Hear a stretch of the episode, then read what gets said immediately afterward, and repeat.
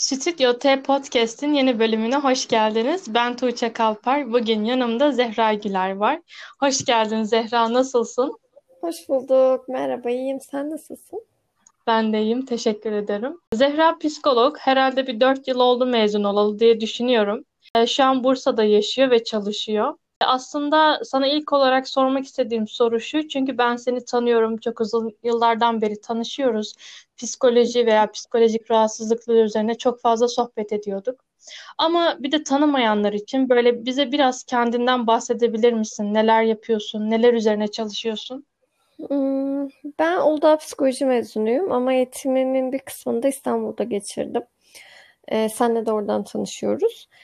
Ee, 2017 mezunuyum. Evet, 2017 mezunuyum. 3 bitti, 4'e girdik artık. Dördüncü sene. Mezun olduktan sonra psikologlar, e, rehber öğretmenler gibi okulu bitirip çalışmaya başlayamıyorlar. Almamız gereken bazı belli başlı eğitimlerimiz var. Yani danışmanlık hizmeti vermek istiyorsanız gönül rahatlığıyla hemen başlayamıyorsunuz. Almamız gereken bazı test ve terapi eğitimleri var. Bir seneyi test ve terapi eğitimi alarak geçirdim. Ondan sonra ise Bursa'da açtığımız danışmanlık merkezinde, arkadaşlarımla açtığım bir danışmanlık merkezinde terapi yapmaya başladım. Terapi demeyi de doğru bulmuyor e, psikolog camiası fakat danışmanlık vermeye başladım da diyebiliriz. E, beş arkadaştık. Azala azala azala azala bire indik. E, birkaç ay ön, yani henüz birine devrettik bir arkadaşa ama orada danışan görmeye devam ediyorum. E, psikolojide çeşitli yaklaşımlar ve yönelimler vardır. E, herkes aynı tip ve teknikle çalışmaz.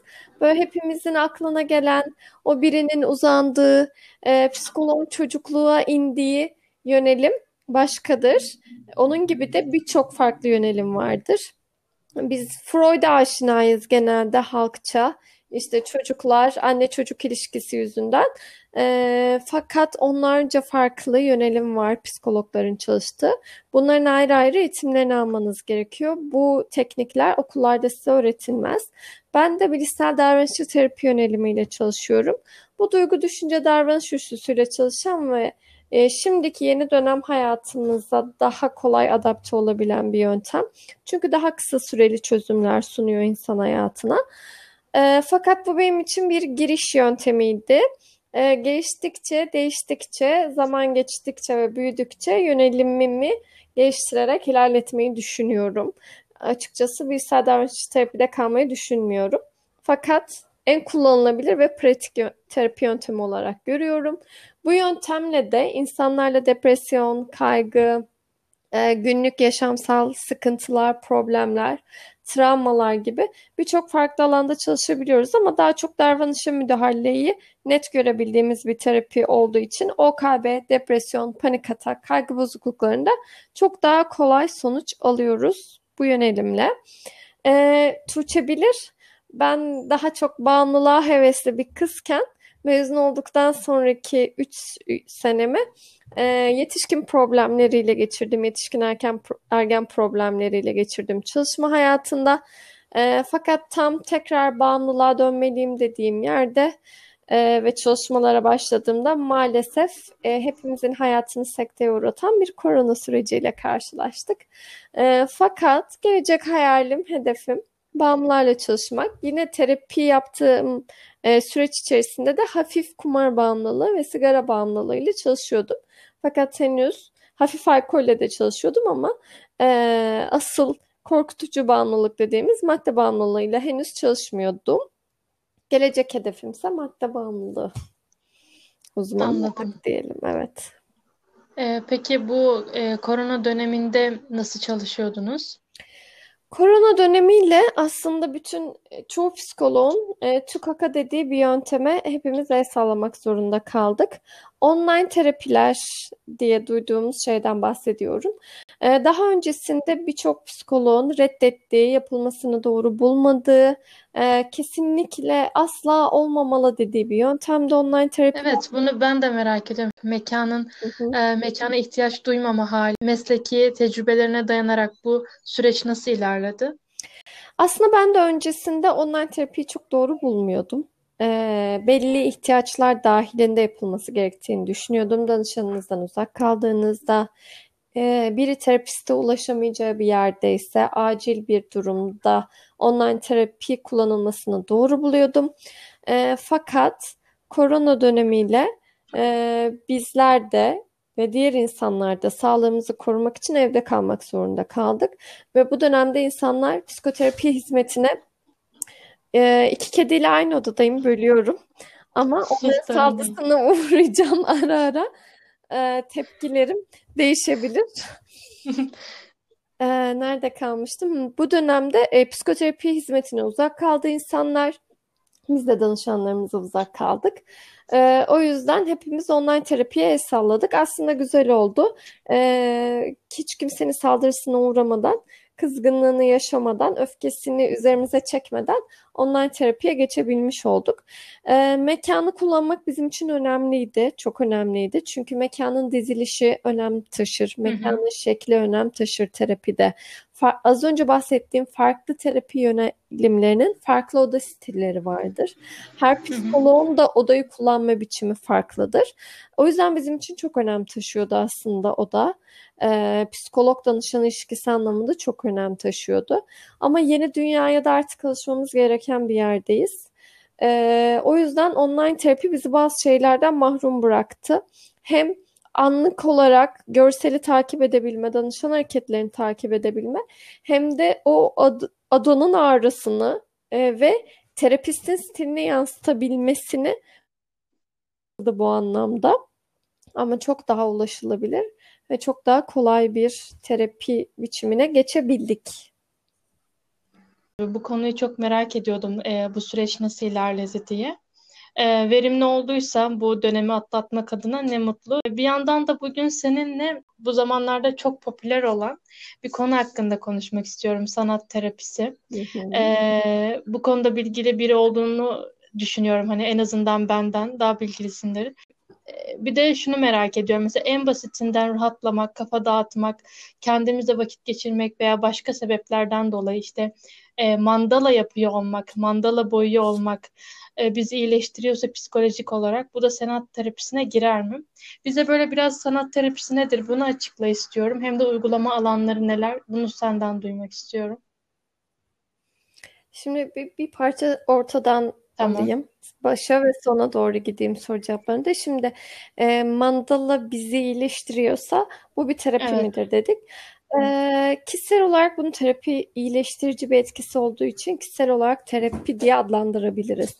Ama e, bu işte sağlıkta diyelim, psikolojide diyelim e, kullanılan psikoterapi, terapinin iyileştiriciliği daha farklı. Ee, asıl bizlerin yani psikologların, psikiyatristlerin, e, psikolojik danışmanların dediği terapiyle insanlar olarak adlandırdığımız terapi daha farklı. Hı hı. E, dış dünyadaki diğer insanlar yani ruh sağlığı çalışanlarının dışındaki diğer insanlar kendilerine iyi gelen her şeye terapi diyebilirler. Fakat aslen bizim kullandığımız anlamıyla terapi e, çok daha büyük bir yolculuğu ifade eder ve her zaman da iyi gelen bir şey anlamına gelmez. Bu bir süreçtir. İnsanın kendini ve problemini tanımlama ve çözümleme sürecidir terapi. Ve bunun yanında da bunu tek başına değil, bir uzman yardımıyla yapma sürecidir. E, ruh sağlığı uzmanı yardımıyla yapma sürecidir. O yüzden bizi kelime anlamıyla terapi iyileştiricilik olarak adlandırılırsak evet diyebiliriz. Fakat ruh sağlığı çalışanlarının kullandığı anlamıyla terapi daha farklı. E, mandalayı bir ruh sağlığı çalışanı teknik olarak kullanabilir, materyal Hı-hı. olarak kullanabilir. E, fakat bunu tek başına terapi diye adlandırılmaz. Hı-hı. Bu biz diğer insanlar için kendi kendime yap, kendi kendimize uyguladığımız iyileştirici yöntemlerdir. Sonra sanat terapisine geçiyorum. Tamamdır. Şimdi aslında kişisel olarak sanat terapisi çok haşır neşir olduğum bir alan değil benim. Çünkü sanat terapi birazdan anlatacağım. Sanat terapisiyle e, haşır neşir olmak ya da uygulayıcısı olmak için bir parçada sanatla ilişki olması gerekiyor kişinin. Terapistin, psikoloğun, psikiyatristin her neyse ilişkisi olması gerekiyor. Maalesef benim de çok yeteneğim olan bir konu olmadı. Ee, onun yanında sanat terapisi. Şimdi e, bu dönemlerde çok şey duyuyoruz. O terapi, bu terapi, A terapisi, B terapisi, ruh Hı terapisi, nefes terapisi, sanat terapisi. Şimdi bunu biraz o klişelerden uzak hı. tutalım. Sanat terapisi dediğimiz şeyi. Ee, bu sanatın içinde barındırdığı özellikleri, kullanım şekillerini ve hareket biçimlerini terapide kullanmak gibi bakabiliriz aslında sanat terapisine. O yüzden sanata hangi materyalle, hangi yolla, hangi şeyle e, yapıyorsan bunu terapi odasının içinde yapmak ya da terapi sürecinde yapmak diyebiliriz sanat terapisi olayına. E, neden ihtiyaç var sanat terapisine? Sanat zaten kendi başına hayal gücünü yansıtma, içsel dünyayı yansıtma, insanın e, yaşadığı iyi, kötü, hayal, gerçek deneyimlerini yansıtma yolu olduğu için terapi de zaten bütün bu deneyim süreci olduğu için yol olarak kullanılması uygun bulunuyor. Ee, ve iyileştirici de bir yöntem olduğunu biliyoruz aslında. Çünkü çok defa üzerine araştırmada yapıldı. Ee, Birçok alt çeşidi de var. Ama ilk kullanımı dersek klinikteki ilk uygulamalar aslında sanat terapisiyle ilgili ee, daha çok minik minik e, testlerde görmeye başladık biz bunları. İnsanları anlamak için geliştirdiğimiz Beyaz kağıt üzerinde renkli e, şey siyah mürekkep lekeleri onlar mı? Evet, Rorschach testi. Rorschach testi birçok hatta komedi filmlerinde kullanılan, e, hiçbir anlam ifade etmeyen ama insanların yorumlaması beklenen bir mürekkep testidir Rorschach aslında. Bunun gibi çok doğru bir yerden yaklaştın. Bunlar psikolojide projektif testlerdir. Objektif olmayan testlerdir. Yani uygulayan kişinin ve uygulanan kişinin yorumuyla anlam kazanan testlerdir. Ee, o yüzden de burada dediğin gibi belki sanata işte değdiği yer olarak bakabiliriz. Ee, renkli ya da siyah beyaz mürekkep desenleri olur. Bu beyaz kağıtların üzerinde yüzlerce kağıt vardır.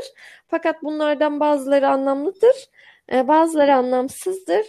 E, net olmamasının sebebi de kişinin yorumuna kalmasıdır. Tıpkı sanat eserlerine bakış açımızla ilişkilendirilebilir aslında bunlar. Onun yanında tematik algı testi var.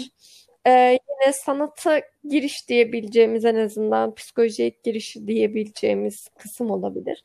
Onun yanında çok kullandığımız hem insanlarda hem çocukla kullandığımız bir insan çiz testimiz vardır. Bu ilk çıkışında e, bir zeka testi olarak çıktı. Fakat sonrasında e, kişiyi anlama ve tanıma yöntemi olarak kullanmaya devam ettik. İnsan çiz testinde danışana e, bir insan çizdiriyoruz ya da bunu farklı farklı biçimlerde de yaparız. Bazen ev çizdiririz, bahçe çizdiririz. E, buna yine giriş diyebiliriz fakat bunların hiçbirinde sanatta olduğu gibi estetik kaygı yoktu. O yüzden sadece giriş olarak kullanabiliriz. Ama sonrasında bence hani benim bildiğim, araştırdığım kadarıyla ilk e, biblioterapiyle girdiğini düşünüyorum ben. Belki insanlar için daha resim, görsel e, konuşuyorlar, söylüyorlar. Yine bir kedi saldırısına uğradım. E, baş, hani sanat terapileri anlamında başka şeylerden bahsediyorlar ama ilk aslında biblioterapiyle gördük. Ki biblioterapide yazılı metinlerin, bir dönem İncil'in, e, diğer öykülerin, sanat eserlerinin terapi odası içinde kullanılması anlamına geliyordu. Bu metinleri okuyarak, e, bu metinleri anlamlandırarak kendi yaşadığımız deneyimler arasındaki benzerlik ve farklılıklarla problemlerimizi çözme yolumuz olarak kullandık ve e, bence ilk sanata giriş bu yani sanatla daha perçinlendiği yer burasıydı. Biblioterapiydi. Yani o Çünkü zaman çok biblioterapi ve İncil ilişkisi varsa biraz da eskiye dayanıyor aslında sanat terapisi. Evet evet çok daha eskiye dayanıyor. Belki işte şu an araştırdığımızda karşımıza çıkan öğelerde bundan bahsetmiyordur. Biblioterapi bir sanat terapisi adı altında geçmiyordur. Ama aslında sanatsal metinlerin kullanıldığı bir yöntem tekniği olduğu için bence çokça ilişkili sanat terapisiyle ya da sanat ve terapi ilişkisiyle. İlk girişi böyle oldu çünkü. E, Kendi araştırmalarımla söylüyorum. Çok daha eski farklı yöntemler olabilir. Ha tabii ki var dönemsel olarak e, dansın daha terapi demediğimiz dönem öncesinde dansı iyileştirici olarak kullanmak, resmi iyileştiricilik olarak kullanmak var ama terapi çıktıktan sonra, psikoterapi çıktıktan sonra ve terapi tekniği içinde kullanmayı biblioterapi olarak anlamlandırabiliriz. Tabi bundan sonra daha da dediğim gibi biblioterapi açıkladım onu, onu söyleyelim de. Metinleri, sanatsal metinleri seans içinde kullanmak diyebiliriz. Grup terapisi olarak da çok çok kullanılıyor biblioterapi, şahsi terapi dışında. Ama daha sonra daha da gelişti ve şekillendi. Ee, hemen hemen her sanat yöntemi artık psikoterapinin içine girdi. Ve yenilikleri de sevdiğimiz için yeni ne çıkan varsa psikologlar da onu uygulamayı seviyorlar. Artık çok daha farklı e, çeşitler var. E, bu e, farklı çeşitler büyük ihtimalle uygulama alanlarının farklı olmasıyla, araç olarak farklı sanat dallarının kullanılmasıyla mı oluşuyor? Bunu belki biraz bize açıklayabilirsin. Evet evet aynen öyle. Şimdi e, şöyle sanat terapisi dediğimiz şey tek bir alana, tek bir bozukluğa ya da insanların tabiriyle tek bir hastalığa yönelik ya da belli grup hastalığa yönelik olarak kullanılıyor. Hı hı. Terapiler yönelimlerin bazı daha iyi işlediği problemler, daha kötü işlediği problemler vardır. Mesela benim yöntemim işte daha davranışsal ilişkili problemlerle daha iyi yürür. Ama az önce Freudian dediğimiz analitik yöntem e, daha travmatik çocukluk travmalarıyla ilişkili problemlerde daha iyi adım atar. Ama terapi dediğimiz şeyin e, iyiliği, işlevselliği uygulayıcıyla çok ilişkilidir. Hı hı. Yönelimi kadar uygulayan kişisiyle de çok ilişkilidir. Ee, sanat terapisi dediğimiz şey de birçok farklı alan için kullanılır. Depresyon, kaygı, günlük problemler, travmalar hepsi için kullanılır. Ama ayrışım e, diğerlerinde olduğu gibi problemlerle değil, yani problemlerin farklılaşmasıyla değil, uygulanan teknik, tekniklerin hem uygulayıcıyla uyumu hem de uygulanan kişiyle uyumuna göre farklılaşır. Yani sanatın her dalı kişiye e, göre, kişinin becerisi, yeteneği ve zevkine göre ayrıldığı ve değiştiği için e, burada da sanat terapisi başlığı kişiye göre değişir. Yani problemin içeriğine göre değil. İşte depresyona resim, e, kaygıya dans iyi gelirden ziyade kişiye hangisi daha iyi ve iyileştirici hı hı. geliyorsa ve uygulayan kişi de hangisiyle haşır neşirse ona göre şekilleniyor aslında. Ona göre ayrım yaşanıyor. Hı hı, anladım. Peki e, bunu biz mi sanat terapisi almak istiyoruz diye e, gitmeliyiz yoksa e, psikoloğun mu bizi yönlendirmesi ya da psikoloğun böyle bir uygulama tekniği içerisinde olmasıyla mı biz bu sanat terapisini alabiliyor oluyoruz? Şimdi şöyle e, maalesef e, birçok insan çok yani insanların hemen hemen hepsi destek almak isteyen insanların da %90'ı 95'i yönelimlerden haberdar değillerdir. Terapi hı hı. tekniklerinden haberdar değillerdir. Bu anlamda ülkemizde ciddi bir iletişim aktarım problemi var. Psikologların hı hı. bildiği yaptığı tekniklerden çok uzak, haberdar olmaktan çok uzak diğer insanlar. O yüzden de maalesef seçerken e, kişi karar vermesi gerekir aslında yönelime, psikoloğun yönelime ve ne istediğine. Ama bizim ülkemizde bundan çok az haberdar olunduğu için kişi önce bir psikolog seçiyor. Sıklıkla tavsiye üzerine. Arada bir internet araştırmasıyla e, seçiyor e, ve psikoloğun insafına kalıyor. Hı hı. Psikolog kendi yöntemini ilk seansta açıklamak zorunda. Uyguladığı yöntem ve tekniği. Hı hı. Ve e, kendinin iyileştirici olmadığı, işlevsel olmadığını düşünüyorsa danışana karşı alternatif teknikleri açıklamalı. Ve kişi hı hı. eğer sanat terapisiyle ilişkili bir psikoloğu seçmediyse, eskaza internette ya da reklamlardan birinde da tavsiye ettiği kişiyle karşısına çıkmadıysa maalesef öğrenemez. Diğer teknikleri de öğrenemez. E, psikologla da normal e, ya da öyle böyle bir ilişkisi varsa da öğrenemez. Bazen bitse de öğrenemez. Böyle bir şeyin varlığına kendi başına haberdar olması çok zor Ama görev ve sorumluluk onda. Çünkü psikolog da tek tek bütün terapi yöntemlerini kişiye aktaramaz, anlatamaz. Hı hı. Ee, öğrenmek kişinin sorumluluğunda ama maalesef öğrenmemiz gerektiği bilincinde değiliz. Ee, şimdi Dediğim gibi bu terapi teknikleri sanat terapisinin içinde de var. İşte resim terapisi var, psikodrama var, müzik terapisi var. Ee, normal bir terapi seansının içinde kullanılan teknikler var.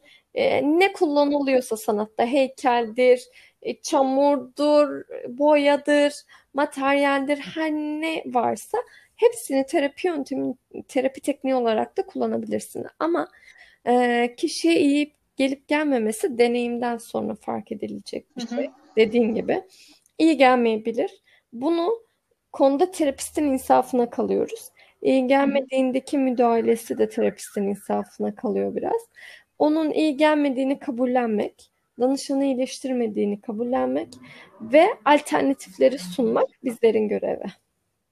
Bir de şunu merak ediyorum. Ee, psikoloğa giden bir danışanla e, psikiyatriste giden, giden bir danışanın rahatsızlığı da farklı boyutlarda oluyor bildiğim kadarıyla. Bu her boyuttaki e, danışan için uygulanabilir mi? Yoksa psikologların daha çok uyguladığı bir yöntem midir? Hı, güzel.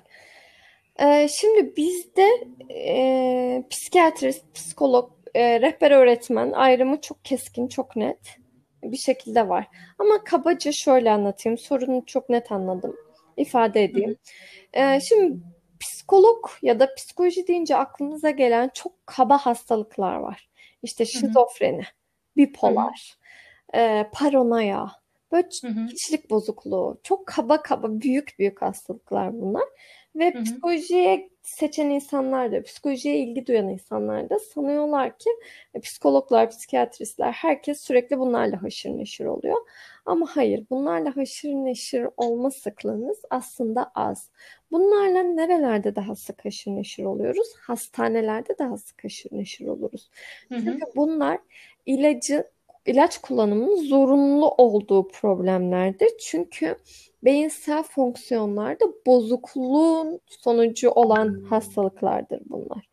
O yüzden de doktorun ve doktorun ekibinin muhakkak olması gereken bir yerde e, tedavi süreci işler. Hatta bu resmen tedavidir, iyileştiricidir. Doktor hastadır hatta e, bu hı hı. süreç.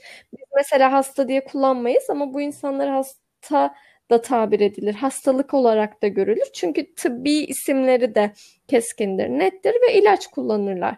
İlaçsız da tek başına bir psikologla, e, tek başına bir danışmanla yürümez bu problemlerin e, tedavisi. Hı hı. O yüzden de e, dediğin gibi belki bunları biz kabaca psikiyatristlerin hastaları olarak görüyoruz ve psikologlarla değil onlarla ilişkilendiriliyor, ilişkilendiriyoruz. Ama aslında psikoterapi başka bir şeydir. E, psikiyatrist bir parça başka bir şeydir. Psikolog bir parça başka bir şeydir. Bizim ülkemiz için öyle söyleyeyim. Bir psikiyatrist de terapi yapabilir. Gerekli hı hı. eğitimi alırsa e, ülkemizde almak zorunda değil maalesef. Ama alırsa yapabilir. Psikolog da o terapi eğitimini alırsa yapabilir. Psikolojik danışman da hatta çocuk gelişim uzmanı da sosyal hizmetler uzmanı da o terapiyi yapabilir. Ama onun ayrıca eğitimini almak gerekir. Herkes için geçerlidir bu. Bunu da e, bir psikiyatrist de sanat terapisi yapabilir. Ama tabii ki bir şizofren için olan iyileştiriciliğiyle bunu merak ediyorum. hastası için olan iyileştiriciliği farklıdır. Ee, şizofreni ilaçsız yürütemeyiz ama terapi desteğine de ihtiyaç duyduğumuz anlar olur. O zamanlar hı hı. için bunlar kullanılabilir. Ee, bu insanların ailesinin yaşadığı problemler için kullanılabilir. Ee, şizofren hastalarının yaşadığı stres, kayıp, sıkıntı, peşi sıra gelen depresyon ve kaygı için bunları kullanabiliriz. Ama tek başına şizofreni ya da dediğimiz gibi psikiyatrist hastalıklar için iyileştirici değildir. Anladım. Çok açıklayıcı oldu benim için de. Ee, hem Bursa'da çalışıyorsun şu an bir e, ofiste. Bir yandan da bildiğim kadarıyla özellikle korona döneminde Instagram'dan da oradan da aslında danışmanlık yapıyorsun. Biraz da bunun hakkında konuşalım istiyorum. Orada neler yapıyorsun? Böyle yavaş yavaş sohbetin sonuna doğru gelirken. Hı hı. Orada neler yapmayı planlıyorsun? Biraz bize orayı anlatır mısın? Şimdi ins- sosyal medya zaten artık önemli bir araç insanların birbirlerine ulaşması için ve korona dönemiyle de artık bizlerin danışanlarına ulaşması için bir yol oldu. Ve bu süreçte de insanlara hem destek olmak hem tabii ki de kendi tanınırlığımızı arttırmak için Instagram'ı kullanmaya başladık.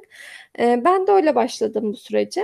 Ee, çok hızlı bir şekilde belli problemler yaşadık koronaya girer girmez. Hatta başlarda muhtemelen daha çok problem yaşıyorduk. Çok hızlı bir şekilde sarsıldık ve problemler yaşadık. Bu süreçte de online olarak bir terapi değil çünkü terapi dizilik esaslı bir şeydir. Ama insanlara iyi gelecek tekniklerin paylaşıldığı şeyler yaptım orada. Ee, terapide kullandığımız bazı teknikleri Instagram'da paylaştım. Diğer insanların kullanabileceği halde, evde kendi kendilerine yapabilecekleri hallerini Instagram'da paylaştım.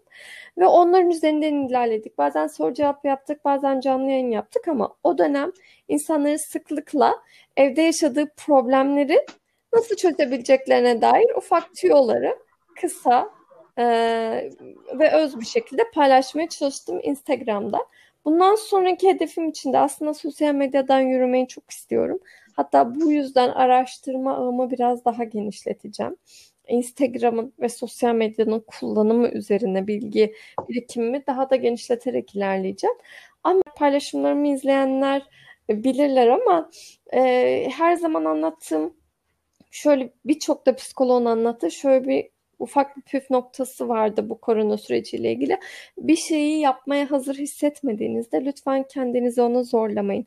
Bu çok iyi bir şey olsa da spor da olsa yapmak istemediğiniz bir şeye sırf popüler ya da çok iyileştirici diye yapmaya zorlamayın. Ee, bu işte nefes egzersizi olur, spor olur, diyet olur fark etmez. Kendinizi o şeye zorladığınızda o size artık iyi gelmekten çıkar. Ee, ve Instagram'da benim için kısa bir dönem buna girdi. Kendimi keşfetmem gereken bir zamana ihtiyacım vardı. Ona girdim ee, ama kafamda bir sürü plan biriktirdim. Ee, daha kişisel bir alana dönerek geleceğim. Kişisel alandan kastım diğer insanlar için ve problemleri için daha kişisel. İşte de, hı hı. direkt depresyon yaşayanlar için depresyon ve ben, kaygı ve ben, e, kaygım ve ailem, kaygım ve sosyal hayatım gibi daha spesifik, daha sıcak, daha candan ve daha pratik çözümler hatta belki bir dakikalık, belki 30 saniyelik videolarla teknikleri anlatacağımız bir hale büründürmeyi e, planlıyorum. E, Biz bunları nereden takip edebiliriz? Instagram hesabımdan psikolog Zehra Güler diye aratırsanız çıkar diye umuyorum. Kişisel Instagram hesabımdan takip edebilirsiniz. E, her şeyi oradan paylaşacağım. Egzersizler, önce yaptığımız egzersizler zaten hali hazırda orada duruyor. Oradan ulaşabilirsiniz. Ee, online seanslar, online terapiler ya da yüz yüze görüşmeler için de orada iletişim bilgileri var. Oradan her türlü DM'den ya da mail adresimden her türlü sorunuzu cevaplayabilirim. Bana ulaşmaktan çekinmeyin. Ee, her sorunuza her zaman açığım. Anladım. Bir yandan e, bu şekilde daha kişisel e, konular üzerine ilerlerken bağımlılık da gelecek herhalde. Bağımlılık evet, üzerine evet. çalışmaları. Yakında onlar da gelecek inşallah bir aksilik çıkmazsa. Ama bütün bağımlılık üzerine çalışan kurumların da korona sebebiyle hareketlerinin kısıtlanması ve ertelenmesi sebebiyle benimkiler de ertelendi. Ama geleceğim e, onun üzerine kurulu. İnşallah e, oradan yürür, gidebilirim. Çok teşekkür ediyorum ben Zehra. teşekkür ederim Tuğçe. Podcast yayınında da bu harika sohbette burada olduğun için. Dinleyenlere de çok teşekkür ediyorum. En kısa zamanda diğer bölümlerde görüşmek üzere. Görüşmek üzere.